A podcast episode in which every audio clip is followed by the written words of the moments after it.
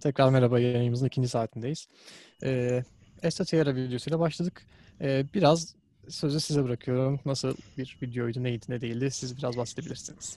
Ee, Geçtiğimiz Aralık'taki Saint Michel Lisesi'ndeki konserimizden bir eserdi. Javier Busto'nun Esta Tierra. Ee, Bu sene kattık repertuarımıza. Çok böyle naif, küçük bir eser. Ee, Yakın armonilerle çok tatlı bir müzik. Gerçekten şu an şey oldum yani. Prova alalım.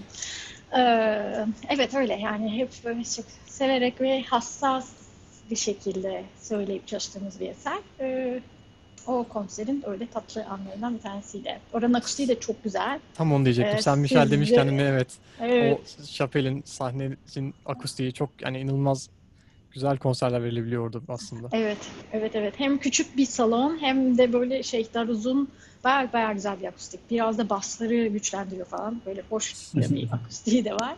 Keyifli bir yer orası. Biz de birkaç konser verdik. Ee, bu yarı biraz daha konuşamadığımız ufak birkaç kısım vardı. Onlardan bahsederek başlayacaktık. Resolution'dan birazdan bahsedeceğim ama bir Binur Kaya ile olan e, ilişkiniz diyeyim o koro ile Binur Kaya'nın konserleri. Ondan biraz bahsetmek istiyorum. Yani ona bağlı olarak da Retro Koro'dan biraz bahsedebiliriz bir diğer projeniz.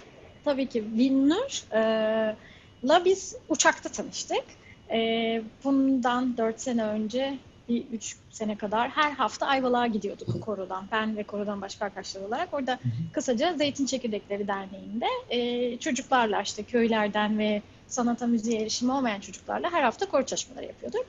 Bir gün bir hafta sonu 8 kişi mi ne böyle daha bir performans için gitmiştik korodan.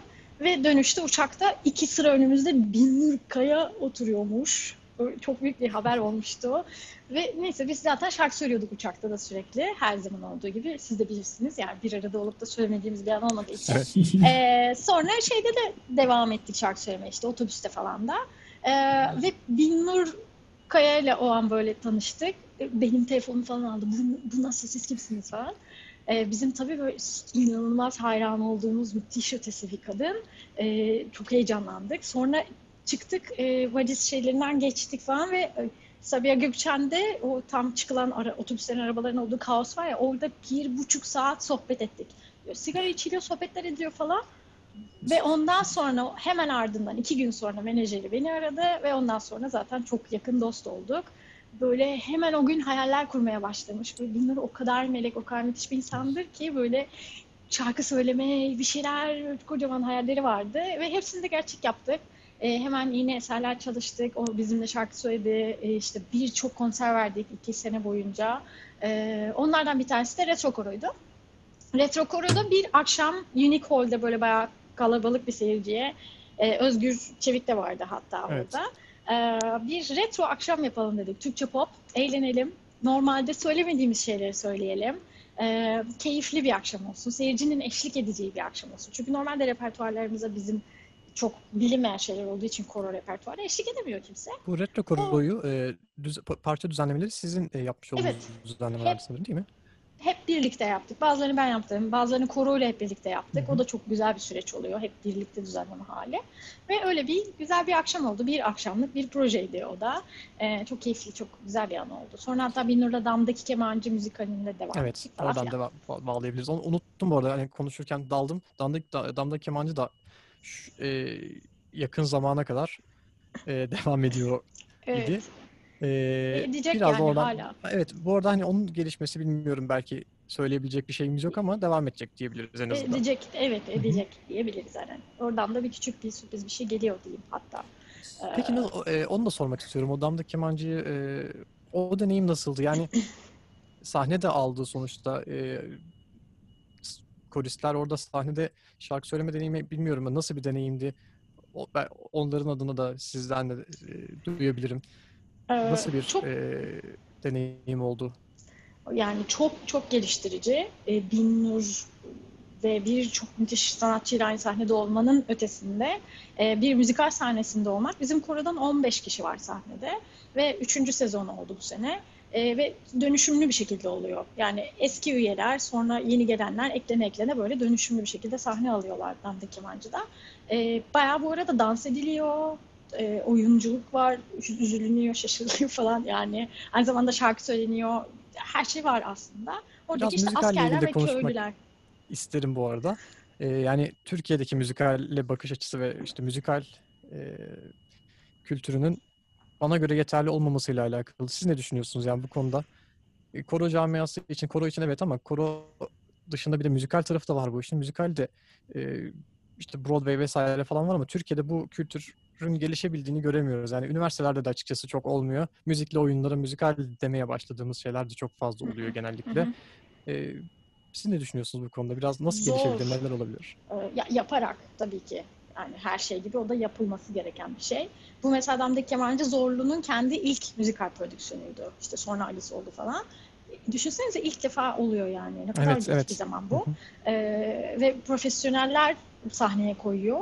Ee, bu böyle böyle böyle olabilir. Yani ne kadar çok profesyonel iş yapılırsa o kadar çok amatörlere de motivasyon olur bence. Ya da karşılıklı bir şekilde. Hı hı. Ee, zor bir şey. Yani hem oyunculuk gerekiyor, hem dans gerekiyor, hem de çok iyi sesinin olması lazım. Ve mümkünse kulağının da çok iyi olması lazım ki armoni olabilsin sahnede falan. Ee, bayağı şey, zor bir süreç. Ee, yani iyi olacak bence ya. Şu an böyle bu zorluğunun ivmesi iyi geliyor diye hissediyorum ben.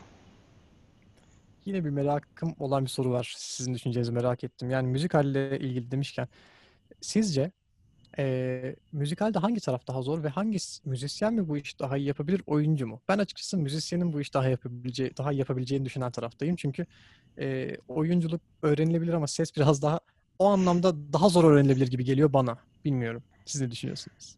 Ay hiç düşünmemiştim bunu Biraz zor bir böyle. soru ama Evet yani ilk hissim ya ikisi de tamamen o kişiye bağlı. Yani çünkü çok iyi şarkı söyleyen bir oyuncu olabilir. Bunu tabii şunu bir parantez alarak söylüyorum. Müzikal eğitimi almamış bir kişi. Yani ya oyuncu ya ses. Yani çünkü Evet. aslında müzikal Hı hı. eğitimi almış kişi ikisini de çok iyi yapar, Hepsini yapıyorlar.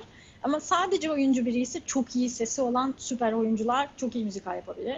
Aynı zamanda süper şarkı söyleyip e, duyguyu yaşayamayan insanlar da var. Dolayısıyla sadece çok iyi şarkıcı olmak da yetmez. O yüzden zor bir şey müzikal. Bir de bunların ötesinde büyük bir e, dans dünyası var. Hareket etmesi lazım sürekli. Kondisyon lazım, sahne lazım, sahnenin dekoru ve uzun bir şey. Müzikal uzun. 3 saat. Yani bütün müzikaller. Broadway'i düşünün. 3 saat sürüyor. Dolayısıyla o 3 saat bütün bu ilginin yu- yukarıda durduğu bir şekilde mesela Broadway'de oley ya falan diye izliyor seyirci. ve Belki yani neredeyse o her gün kadar ola- olduğu bile oluyor. Kondisyon gerektiriyor. Tabii tabii. Yani işte bu da diğer her şey gibi daha çok yapılması lazım. Ben hep buna inanıyorum. Yap, yapalım olsun. Evet, e, aslında biz denemiştik müzikal. Onu be- belki Barış e, müzik kulübü başkanlığı sen tarafından onu söyler söylemez direkt o aklıma geldi benim de. Hani Şu or- orkestra kısmını buradan bahsedebilirsin. Ne Belki kadar biraz bu konuyu zor, çok zorluklar olmuştur yani. Evet. Yani e, biz şöyle söyleyeyim, e, hiç sıfırdan girmek istiyorum bu konuya çünkü.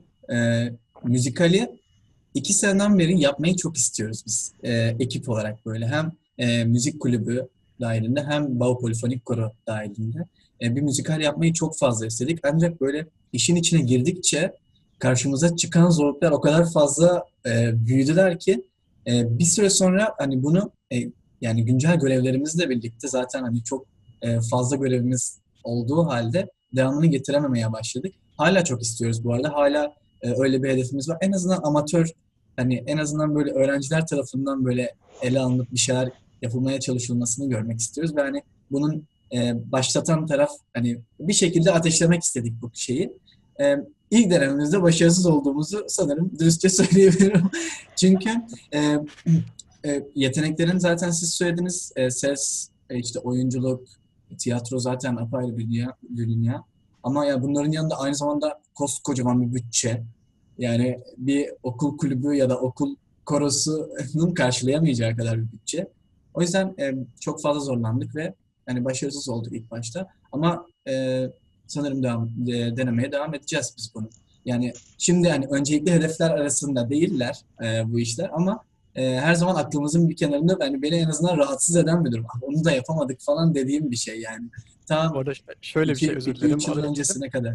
Şöyle bir şey var. Hani Barış e, şu anki ya daha doğrusu bu geçtiğimiz bu senenin e, müzik kulübü başkanıydı.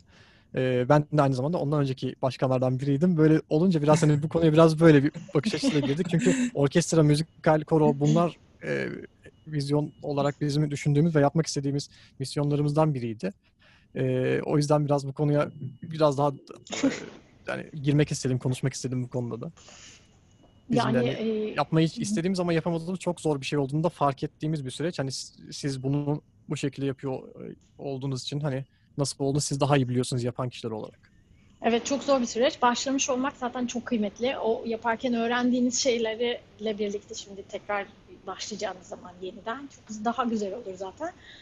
Pardon gerçekten çok zor. Yani e, her şeyin aynı anda olduğu bir yer olduğu için. E, evet. e, Eminim yani ki ama keyif- yapılabildikten sonra da gerçekten çok inanılmaz keyif veren bir Tabii şeydir ki. yani sahnede şarkı Tabii ki. söylemek, oyunculuk var aynı zamanda mükemmel bir Evet, gösteri yani. ki. Gerçekten Tabii çok ki. tatmin edici bir şey. Tabii ki herkesi çekiyor. Yani bir müzikal herkesi mutlu eden bir şey zaten. Hiçbir e, böyle özelleştiği bir anda olmadığı için yani her şey var. E, dolayısıyla izleyen herkes mutlu. E, çok da keyifli. Biz de çok şanslıyız damdaki kemancıda olduğumuz için. E, yani evet.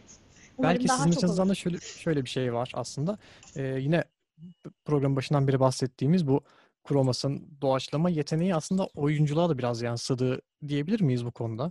Çünkü oyunculuk da biraz esneklik isteyen bir şey ve hani bu çalışmaların sayesinde biraz daha esnek bir e, yapıda oluyor belki de e, koristlerde ve biraz daha o zaman müzikale de daha e, elverişli olabiliyor sanırım.